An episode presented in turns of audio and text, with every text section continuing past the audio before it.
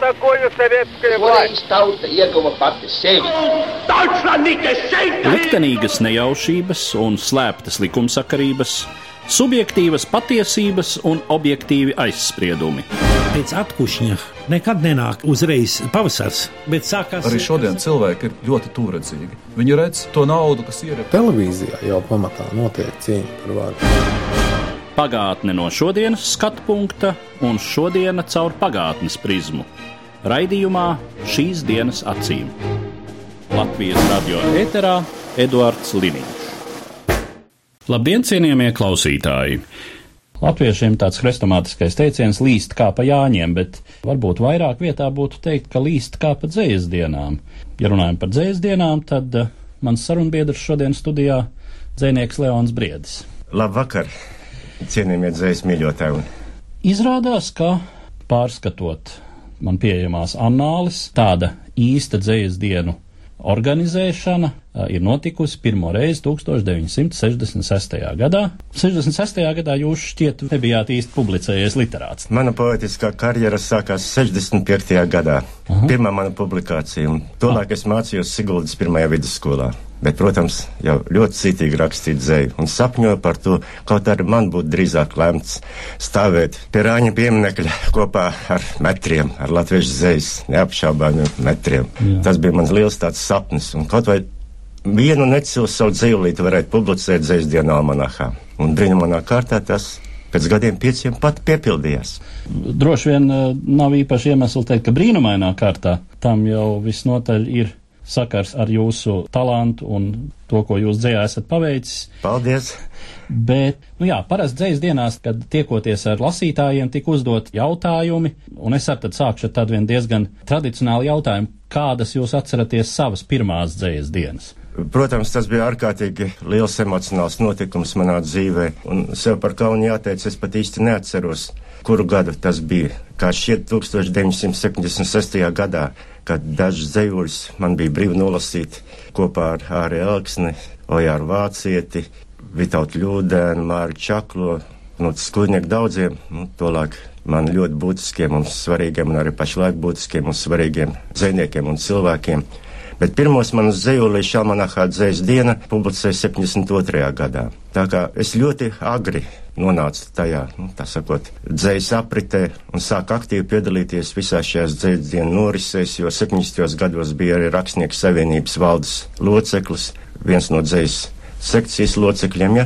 Tā kā neraugoties uz savu ļoti, varbūt, nu, jauno vēl nenobriedušo vecumu, pieredzes trūkumu, man nācās daudz piedalīties šajos zēju pasākumos, varbūt ne tieši, bet arī kā organizatoram, kā netiešam organizatoram.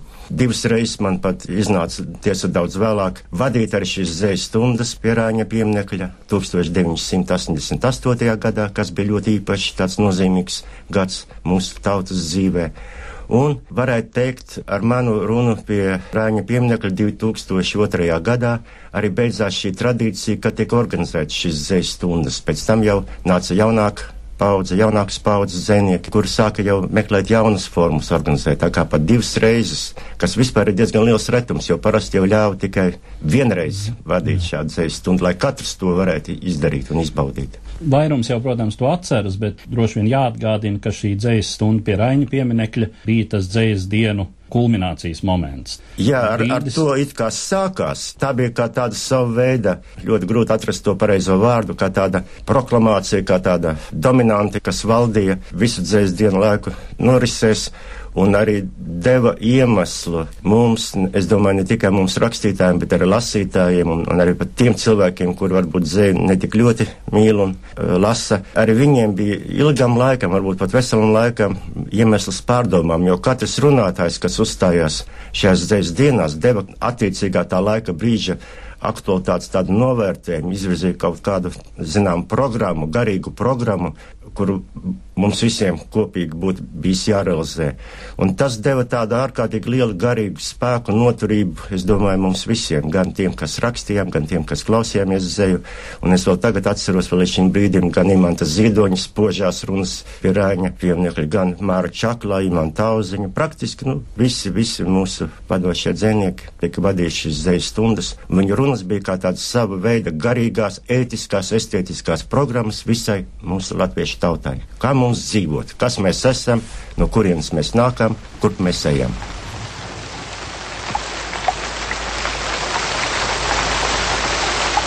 Es neesmu nācis tevi apdzējot, to citi manā vietā izdarīs. Es esmu nācis tevi atzējot un apzinos, ka mūžs ir pārāk īss, lai pārtulkot bruģis irmās domas un to, ko pārspriež jumti pusnaktī, ko domā mūri, kad tie gaismu nomāc, un ko tā tumsa domā, kad jau rīts. Klavēģelis dūts kaut ko ļoti senu, bet tajā ir tik pazīstama daudz. Es pūlos, bet man iznāk aptuveni, ne, neiznāk. Kāds mani sauc, un kāp no portāla ar akmens seju, un akmens roku man uz pleca liek. Es dienā skrienot viņu neredzēju. Cik savāds ir tāds satikšanās prieks, caur gadu simtaņiem, caur iznīcības briesmām. Viņš iesmējas un miedz ar aci man. Jūs dziedat tur tik pazīstamas dziesmas, tik jums tās dziesmas mazliet vārgākas skan kā brāļi gadsimts gadsimtam stāv blakus, ar augstprātību viņiem nepiekļūt. Bet, ja es dzirdēt gribu, ko tie saka, es varu kļūt, varbūt starp tām saknēm viena vīksnes sakne, starp taviem akmeņiem viens bruģa akmens. Runājot par dzēsdienām, faktiski mēs jau te tuvojamies eh, tam, kas varbūt man šodien šķiet būtiskākā šķautne visā šai dzēsdienu vēsturē un, un dzēsdienu tradīcijā, proti eh, dzēsdienas padomju laikā. Tas bija tāds paradoxāls notikums, jo no vienas puses nu, Rakstnieku savienība kas eh, dzēsdienas veidoja un organizēja, tā bija diezgan, tomēr, eh, nu, es, es uzdrīkstēšos teikt, tāda tipiska eh, padomju sistēmas iestāde. Reizums bija dzirdēts viedoklis, ka, nu, tā ir tāda kā literatūras ministrija zināmā mērā, jo tur organizēja arī rakstnieku sadzīves jautājumus, protams, arī visu šo dzēsdienu pasākumu, tas, kas tur bija tā organizatoriskā puse, partijas ideologi protams, ar eh, diezgan modru aci vēroja visu, kas notiek. Tajā pašā laikā šīs dzīslas dienas bija eh, lielā mērā katru reizi tāda, ja ne gluži pretestības norise, tad katrā ziņā nu, tādā intonatīvā opozīcijā tam, kas varbūt skanēja no kompartijas tribīnēm. Un tas man šķiet interesantums šim te pasākumam un tas, kas mums atklāja lielā mērā tā laika situāciju, kādā vispār pastāvēja latviešu kultūra un, un latviešu literatūra. Vai jūs atmiņā ir kādi, kādi spilgti piemēri šai dzējas dienu pastāvēšanai tādā necenzētajā vai daļēji cenzētajā padomju, teiksim, oficiālās uh, kultūras dzīves telpā? Jāizdara varbūt tāda maza atkāpīte. Jāpasaka tas, ka Tolēk, it īpaši 60. gada beigās, 70. un 80. gados, dzēja pildīja ļoti daudzas un dažādas funkcijas, blakus estētiskai, protams, mākslinieckai funkcijai, arī ētisko funkciju. Dzēja pildīja reliģiskās funkcijas, politiskās, sociālās, ekonomiskās, ekoloģiskās, daudzas un dažādas funkcijas. Un mēs eh, tā tālēni sakot, dzīvodami padomjas eh, laikā, padomju režīmu laikā, cenzūras laikā, dažādos tādos ļoti grūtos un sarežģītos nosacījumos, ar literatūras, jo īpaši dzējas palīdzību cēlām savu valsti savu gara valsti, kura nebūtu nebija paralēla tai valstī, kurā mēs visi reāli dzīvojam. Un mēs viens no otra ne tikai tādā labā nozīmē ietekmējamies, bet arī nu, barojamies, ja, impulsējamies. Un tādējādi arī tā bija iespēja mums uzturēt dialogu ar ne tikai savā starpā vienam ar otru, bet uzturēt arī tādu normālu, dabisku dialogu ar jebkuru cilvēku Latvijā. Un dzēja, pildot šīs daudz dažādās funkcijas, spēja mūs visus izglītot, veidot, saglabāt, noturēt. Un, acīm redzot, tas varbūt atšķir tā laika dzēju kopumā, runājot no pašreizējās no dzējas un arī varbūt citu mākslas situācijas, kad dzēja pildot šīs daudzas dažādās funkcijas, izpildīja arī šo galveno funkciju un nevelti mūsu tautisko atmodu mēs saucam par dziesmoto revolūciju. Dzēja palīdzēja mums sagraut padomju režīmu, jā, kļūt par brīviem un neatkarīgiem. Mēs runājām metaforiskā, tādā simboliskā, dažkārt varbūt iešifrētā valodā, pratām lasīt starp vārdiem un iesaistot šajā mūsu nacionālās pašapziņas izkopšanas un nacionālās identitātes saglabāšanas darbā arī praktiski visu padomju Savienībā dzīvojošo tautu izcilākos rakstniekus, kur šeit ir bijuši. Mēs komunicējot savā starpā, komunicējām mūsu dzīves, mūsu likteņus, un, un pārsteidzošā kārtā tie atklājās ļoti ratniecīgi. Tā kā mēs palīdzējām viens otram runājot ļoti dažādās, atšķirīgās valodās, kuras balstījās uz ļoti dažādām nereti tradīcijām, mēs būtībā runājam vienā un tajā pašā valodā. Protams, ka tie, kas šīs zemes dienas laikam dibināja un veidoja, tie rēķinājās pavisam ar kaut ko citu. Nu jā, jāsaprot tā laika situācija droši vien, ka padomu valsts ideoloģiskā bāze, uz kuras tā pastāvēja, tas bija tāds ļoti interesants veidojums. Es teiktu, sarežģīts un ar saviem iekšējiem paradoksiem. Un tur bija šajā ideoloģiskajā tīmeklī, un pateicoties tieši šī te ideoloģiskā tīmekļa raksturam, tam, ka tas balstījās zināmās 19. gadsimta sociālajās teorijās un 20. gadsimta gadsimta sākuma, bija tur savi kanāli, savi robi, savas cukas, pa kurām varēja izsprukt kaut kas tāds kā dzējas dienas. Nu, teiksim, tās ideoloģiskās premises varētu būt apmēram tādas, nu, ka tā tad pirmkārt māksla ir vajadzīga tautai. Māksla ir jāiet tautā. Tas būtu viens no tās um, tradicionālās padomju ideoloģijas puses. Otrs - padomju tautu un arī rālīgo socialistisko valstu tautu kultūru tuvināšanās, kam, teiksim, tā laika padomju ideologu tādā konsekventā traktējumā bija jāved gala beigās pie vienotās padomju, padomju kultūras, kultūras jā, un izveidi. Jā. Tieši tā. Un tad nu, iznāca tā, ka šie tiešām organizatori no padomu nomenklatūras puses ļāva šur braukt citu tautu literātiem, bet izrādījās, ka, teiksim, pie tā laika ideologu valodā runājot latviešu buržāziskā nacionālista atbraucot, teiksim, Moldāvu buržāziskajam nacionālistam, neradās divi padomu internacionālisti, bet uh, divi vēl niknāki buržāziskie nacionālisti. Tā varētu teikt, un ir ļoti daudz varbūt tādu konkrētu reālu piemēru tie gadi, kuros, teiksim, Vizmu Belševicu aizliedza publicēt viņa viņai liedza uzstāties. Brauca šurp Ukrāņu dzēnieki, Mikola Vingranovskis un citi kur pēc tam atzīja un izdeva vismaz grāmatas Ukrainā, un otrādi arī, kad Moldavu dzēniekam Grigore Vīru, slavenās dziesmas, ja dzimtā valoda teksta autoram, kuru no latviski atzījojas ir Imants Ziedonis, kad viņam klājās Moldova ļoti grūti, mēs viņu aicinājām uz šeieni. Tā bija tāds dažādības solidaritāte. Tādējādi konfrontējot mūsu domas, mūsu tradīcijas, izkopām stiprinām katrs pats savas tradīcijas, un acīm redzot, padomu režīms ar to nebija nekā rēķinājies. Bieži vien jau mūsu uzstāšanās beidzās ar to, ka uz kādu laiku mūs tā nosacīts sakot diskvalificēja uz kādu laiku aizliedza mūs un, un neļāva mums braukt nākošajās zēsdienās, teiksim, piedalīties. Bet tie bija tādi īsāk garāki periodi. Jo, lai vai kā mēs tikām kontrolēti tā netieši, tik un tā tas mūsu iekšējais patos, iekšējā tiecība, ja izrādījās daudz stiprāk par šo ideologu vēlmēm. Tā kā padomi režīms būtībā sevi no iekšas puses grāva tieši ar mums. Jā, tieši tā. Vēlēdamies panākt pretējo, viņi panāca sev tieši nu, jā, nevēlamo. Jā, es atceros vēl vienu tādu domu, ja tomēr viens no dzējas, es domāju, ka jebkuras cilvēka garīgās un ne tikai garīgās aktivitātes tādiem, nu, izpausmes tādiem būtiskākajiem virzieniem, tendencēm ir apliecinošais elements, nevis noliedzošais, nihilistiskais vai kritizējošais vai kāds. Jā, mēs noliedzām to sistēmu, to režīmu, kurā dzīvojām, bet mēs arī likām pretī skaidras virzības, skaidras tendences. Pratām postulēt programmatiski, kaut vai uzsaukumu veidos dzēs dienu atklāšanas runas.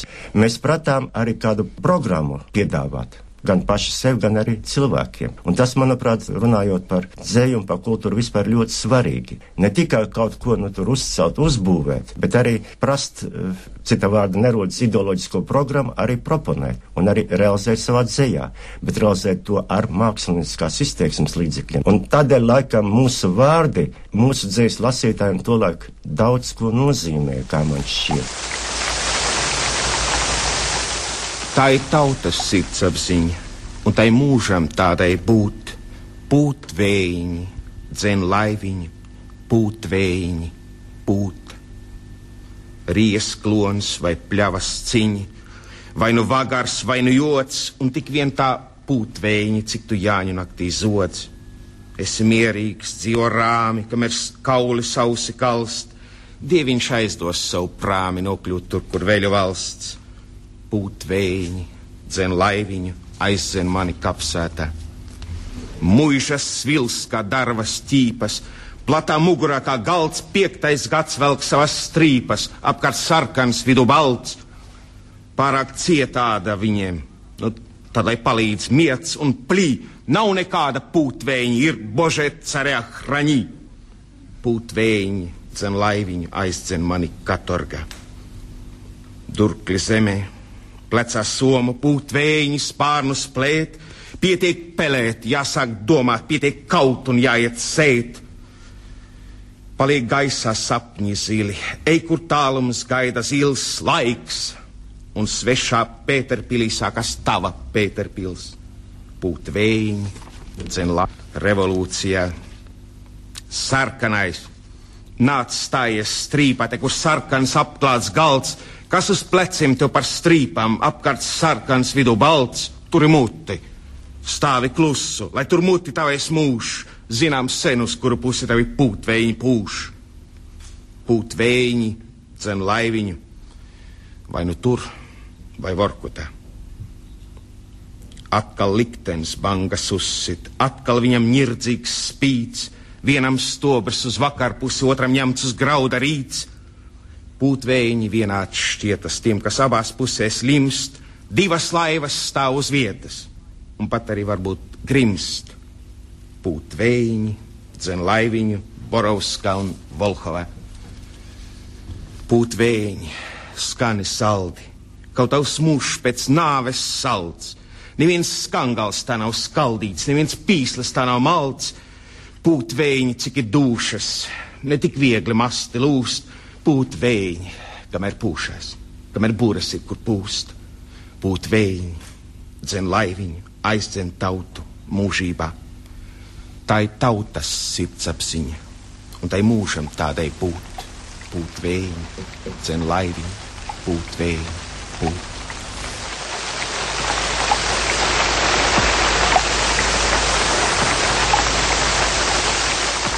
Un mums arī ļoti daudz nozīmē šo cilvēku atnākšana uz mūsu pasākumiem, viņu līdzdarbošanās, jo šie dzēju pasākumi un vakari tie nebija tikai tādi šaubi vai izrādes, ja, kā tagad jau sākamies pie tā pierast. Tās bija diskusijas, tie bija dialogi, monologi, sarunas. Tā bija ļoti dzīva, ļoti sirsnīga, dabiska, reizēm mīlīgāka, reizēm masāka saruna. Par ko jūs runājāt? Par ko bija? Par visu. Tāpēc es teicu, ka tā bija tāda apbrīnojama situācija. Viņa mums uzdeva jautājumus par visu, ko, gan par ļoti ikdienišķām un triviālām lietām, kā nokārtot tur dzīvokļu problēmas, pat kā uzcelt kādu tiltu pār upi, kā skolā atjaunot un līdz pat kaut kādiem ļoti globāliem un metafiziskiem eksistenciāliem mūsu dzīves nu, jautājumiem. Tā kā šis sarunu loks bija ārkārtīgi plašs, mēs arī īpaši gatavojamies tam, jo mēs neatnācām vien ar saviem dzīvuļiem vien. Bieži vien pat no mums šos dzīvos tik ļoti negaidīja, kā gaidīja mūsu vārdus par dzīvi, attieksmi pret to vai citu dzīves norisi. Tas bija tāds, nu, savu veidu arī pilsonisks pasākums. Vismaz man, un es domāju, ka man pievienosies arī visi mana gada gājuma kolēģi, un varbūt arī jaunāki. Tie ārkārtīgi daudz deva man pašam, jā, tie bija tāda vīrišķa brieduma iemantošanas, pieredzes iemantošanas gadi, laiks, jo šīs zēs dienas mēs visi dzēnieki arī gaidījām kā tādas, ne tikai kā svētkus, bet arī kā tādu svētīgu darbu. Runājot par šo te dzējas un um, ideoloģijas, teiksim, oficiālās ideoloģijas un nomenklatūras attiecībām, klausoties jūsos, atnāca atmiņā kāds gadījums, ko es pats dzirdēju pirms kāda laika no viena man pazīstama dzēnieka. Tā situācija bija tāda, ka viena no šobrīd aktīvajām politiskajām partijām nu, bija sponsorējusi dzējas dienu almanahu pēc dažiem gadiem, kad tas nebija iznācis. Tad nu, uzskatīja, ka ir īstais laiks, arī tojās vēlēšanas tajā gadā, un, un ka nu ir īstais laiks, teiksim, apvienot dzējas dienu pasākumu kaut kur provincē ar savas partijas priekšvēlēšanu aģitācijas mītiņu. Tad, jāsaka, iegrābās, jo sev negaidīti šī atjaunotās Latvijas partija viena no nonāca tajā lomā, kurā savulaik bija bijusi varenā Padomju Savienības kompartija attieksmē pret dzēniekiem un dzēsdienu pasākumiem un dabūja to atsitienu tik pamatīgu uh, saviem mēģinājumiem tur ievilkt kādu partijas ideoloģiju, ka tas viņiem bija, nu, milzīgs pārsteigums, tā skaitā arī kādam literātam, kurš bija šīs partijas biedrs un mēģināja tur tas sacīt visu to menedžēt, ja? Tā ka, nu jā, partijām vispār nevajadzētu laikam tuvoties šim te Jo gars ir gars, un Giblings teica, iet tur, kur viņam pašam gribas, un, un ja kāds mēģinājums, teiksim, dzēju izmantot tādos politizētos nolūkos, tas ir jau a priori lemts ir neveiksmīgi. Tas ir vienkārši muļķīgi šī nu, situācija, varētu teikt, lai neteiktu vairāk.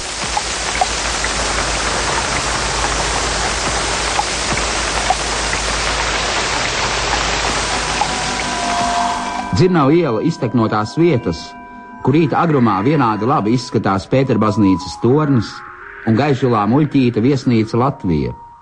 Mēs ejam pa ielas kreiso un pāra pusi, kur bijusī Fokstrodīla un omulīgo uzdzīvotāju klubs, un pirms kara gaisa skrāpes ar garu žirafas kaklu šķin gulbi mākoņos rasotas lapas, un no atvērtiem logiem skan plējerī bīteļu astoņas dienas nedēļā, un tad ir jālido tikai nesapinoties vados, pieminot 17. gadsimta kapsētas spīšļus, pāri Matisona veikala stūrim, kur tirgo ar komerčšņabjiem, kur izslāpušie tiek padzirdināti, kur dvēseles liesmas tiek apdzēstas, jālido tikai nesapinoties vados. Latvijas armijas mundieri pasūtīti ofiņu ateljē, bet tankus kreisai un labai kājai apaubodē, un zelta barīgas var apkrāt uz aptiekas svariem Pāri miteklim, kur no Jansona tā arī neiznāca dzēnieks, bet uz Jumāras, bijušās Kurmanova ielas kā lidlaukā jānosēžas un divar pusvietīgais lidautiņš jāpalaiž ganos, bet pašam viaduktā zem dzelzceļa jāklausās riteņu rība, un paša ribas jāsaskaita, un joprojām nezinu sievieti, kas būtu no manas ribas uzmēsterota. Un tad garām noliktavām, jāzepa barakām, veikalam Gullivers, garām nodedzinātajam geto un sētām, kur zāle aug, cauri bruģim un šampinionu lauž asfaltu, atdurties Daugaumalā, kur straume maļ miltus, un nevienu dzirnavu neredzēt ceļā.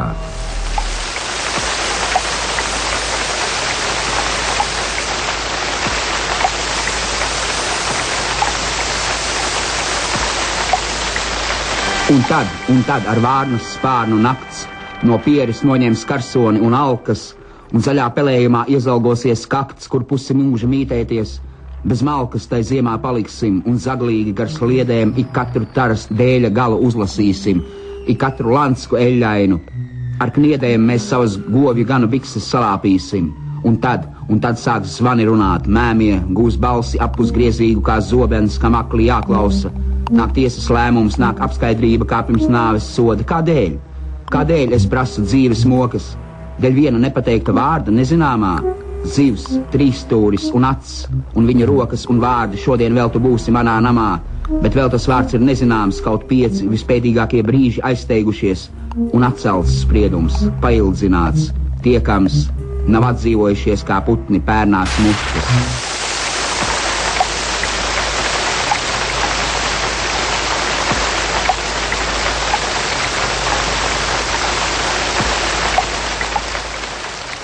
Man ļoti iekrita prātā jūsu teiktais par to, ka tā bija tādas paralēlas garīgās valsts būvēšana tajā laikā, kad mums savas valsts de facto nebija. Bet um, cik daudz pēc tam, kad šī valsts tappa, kad uh, Latvija tika atjaunota pasaules politiskajā kartē, kur palika šī te garīgā valsts? Cik lielā mērā šis modelis iekļāvās tajā esošajā, reālajā Es domāju, ka šī garīgā valsts nekur nav pazudusi, tā joprojām turpina pastāvēt. Varbūt uh, tēls nav tik, tik precīzi kā tāds savveida zemdega, ja, kur tā grūst. Vienkārši pārāk strauji mainījās šie apstākļi, ja, un, un varētu teikt arī ne tikai jau. Es vien varbūt apjuku sākotnēji daudzi, jutās apjukuši daudzi, nespēja atrast savu kaut kādu tādu, nu, stabilu noteiktu vietu, jo pārāk strauji tas viss notika, pārāk strauji mainījās viss šī dzīves eh, situācija, viss šī realitāte. Mēs kaut kādā veidā piemirsām to, ka izkarojot neatkarību nekas nav beidzies, bet viss vēl tikai pa īstam sākas. Jo mums šita galvenais ir sagraut šo padomu režīmu, atgūt neatkarību, brīvību, un tad nu, mēs varēsim izdot milzumu daudz grāmatu, milzumu daudz būs izdevniecība un literāru žurnālu un tā tālāk. Iznāk jau ļoti daudz grāmatu Latvijā, ja, bet iznāk nu, diezgan par bērgu maksu. Ļoti grūti ir tomēr izdot šīs grāmatas, ja, un iz, izkarot. Mēs nedrīkstam novēlt visu vainu tikai uz šo realitāti, ja, kura ir stipri izteikti pragmatiska, kļūst stipri pārāk racionalizēta projicēta, vairāk vērsta izklaides šovu kaut kādā virzienā, ja vizuālajā, video, citā virtuālajā, tādā kaut kādā realitāte ieprojicēta. Bet uh, līdztekus šai informējošajai būtībai, ko dzēja un, un jebkura kultūras satura. Tā ir ar savu veidu komunikācijas līdzeklis, komunikācijas sistēma. Un tajā laikā, 60., 70., 80. gados, šī komunikācijas sistēma darbojās. Tā bija līdzsvarā ar realitāti, ar reālām dzīves norisēm, bet pašreiz ir ļoti strauji mainījušies šie komunikācijas līdzekļi, komunikācijas sistēma. Un zeja vairs nav visa šī komunikācijas sistēma vai daļa no šīs komunikācijas sistēma, bet ir tikai viens no daudziem šīs komunikācijas sistēmas elementiem. Un pie tā arī varbūt ir grūti pierast. Un tāpēc mēs esam kaut kur arī paši līdzvainīgi pie tā, ka mēs vairs nepildām šo komunikācijas sistēmu. Tātad mēs vairs neaudzinām cilvēku. Ja? Ne jau tādā nozīmē kā skolmeistars, ja, kas rāda pirkstu, kā būs dzīvot un kā, bet mēs vairs cilvēkam nu, nedodam kaut kādas dzīves uh, programmas, tendences, ievirzes. Nespējam tātad komunicēt ar cilvēku. Bet šī gara valsts tomēr turpina pastāvēt. Sporādiskāk, varbūt tā, nu, mazāk jaušam un jūtami. Tik un tā ir ļoti daudz talantīgu dzinieku, tik un tā ir iznāk ļoti daudz labu dzēju grāmatu, tikai viņš uz šī vispārējā fona nav tik ļoti pamanāmas. Jāpaiet laikam kaut kādam zināmam laika periodam, šajā ziņā es visi optimistiski raugos uz notiekošo. Un es domāju, ka tomēr pēc gadiem 10, 15, 20, varbūt pat ātrāk daudz, mēs atradīsim šo līdzsvaru, atradīsim savu stabilu vietu šajā komunikācijas sistēmā. Bet, ja mēs mēģināsim vilkties šim laikam, tā sakot, pakaļ, ja, šo laiku mēģināsim no atdarināt, pielāgoties šim laikam, ar to pašu mēs arī zaudējam savus lasītājus. Ja? Jo tomēr dzējai, jo īpaši būtu jāiet vismaz kāds pussolīts pa priekšu laikam. Tātad nu, jāpiedāvā kaut kāda alternatīva, jo dzēja ir alternatīva laikam. Bet mēs šīs alternatīvas, diemžēl, ne savā dzējā, ne savā arī apdzējesošajā darbībā nepiedāvājam. Un tāpēc laikam arī ir zināms tāds nu, neizpratnes, varbūt apjukuma brīdis. Ja mēs ļoti labi pildījām to savu misiju un sūtību 60. un 70. gados, tad negluži labi mēs laikam pildām savus šīs funkcijas, tomēr pastāv kaut kāda zināmā mēra angažētība. Vienalga, vai tu izteikti metafiziski rakstoši, vai transcendentāli, vai kā rakstoši, metaforiski, vai arī realistiski, sadzīviski rakstoši, bet uh, cilvēks rakstnieks tā ir tomēr angažēta būtne. Ir cilvēks kaut kur jāvirza, kaut kas cilvēkai jāiedveš, jākalpo nevis īslaicīgajām prioritātēm, bet kaut kādām ilglaicīgākām, mūžlaicīgākām prioritātēm ir jāveido kaut kāda ilglaicīgāka programma. Es laikam gribētu mūsu sarunu noslēdzot uzsvērt tomēr šo jūsu optimistisko noti, ka ir tāds varbūt apmulsuma brīdis, bet uh, līdzsvars tiek meklēts un arī droši vien taps atrasts. Jā, visi jau nav spējīgi, visiem nav pa spēkam pašiem būt pašpietiekamiem. Ja? Un šeit ir tiešām ir ļoti liela loma ir mums rakstniekiem, mūziķiem, aktieriem. Mums ir jānāk, jānāk ar savu kaut kādu skatījumu uz notiekošo, un, un nav bezcerīga situācija, ir tikai bezcerīgi cilvēki. Un arī neraugoties uz to, ka šodien, kā visās zējas dienās līst, tomēr es domāju, ka uh, mūsu sejās spīd saule, mēs esam smaidīgi, labi noskaņoti, jo mēs zinām, ka viss turpinās, un turpinās arī šī ļoti brīnišķīgā tradīcija, ko sauc par dzējas dienām. Šurp nākot man ienāca prātā pat tāda triviāla banāla doma, ka iespējams, ka šī dzējas dienu tradīcija, neraugoties uz visām tām metamorfozēm, ko mēs šobrīd piedzīvojam un pārdzīvojam, ir pēc dziesmu svētkiem laikam ir viena no skaistākajām mūsu tautas tradīcijām, jo gribi vai negribi, latvieši tomēr ir dziedātāju un dzēnieku tauta. Jā, ar to arī mēs varētu noslēgt šo sarunu par dzējas dienām pagātnē un tagad. Es pateicos savam sarunbiedram, dzēniekam Leonam Briedim. Paldies jums arī no visas sirds, cienījamie radio klausītāji. Par pagātni sarunājas Eduards Līniju.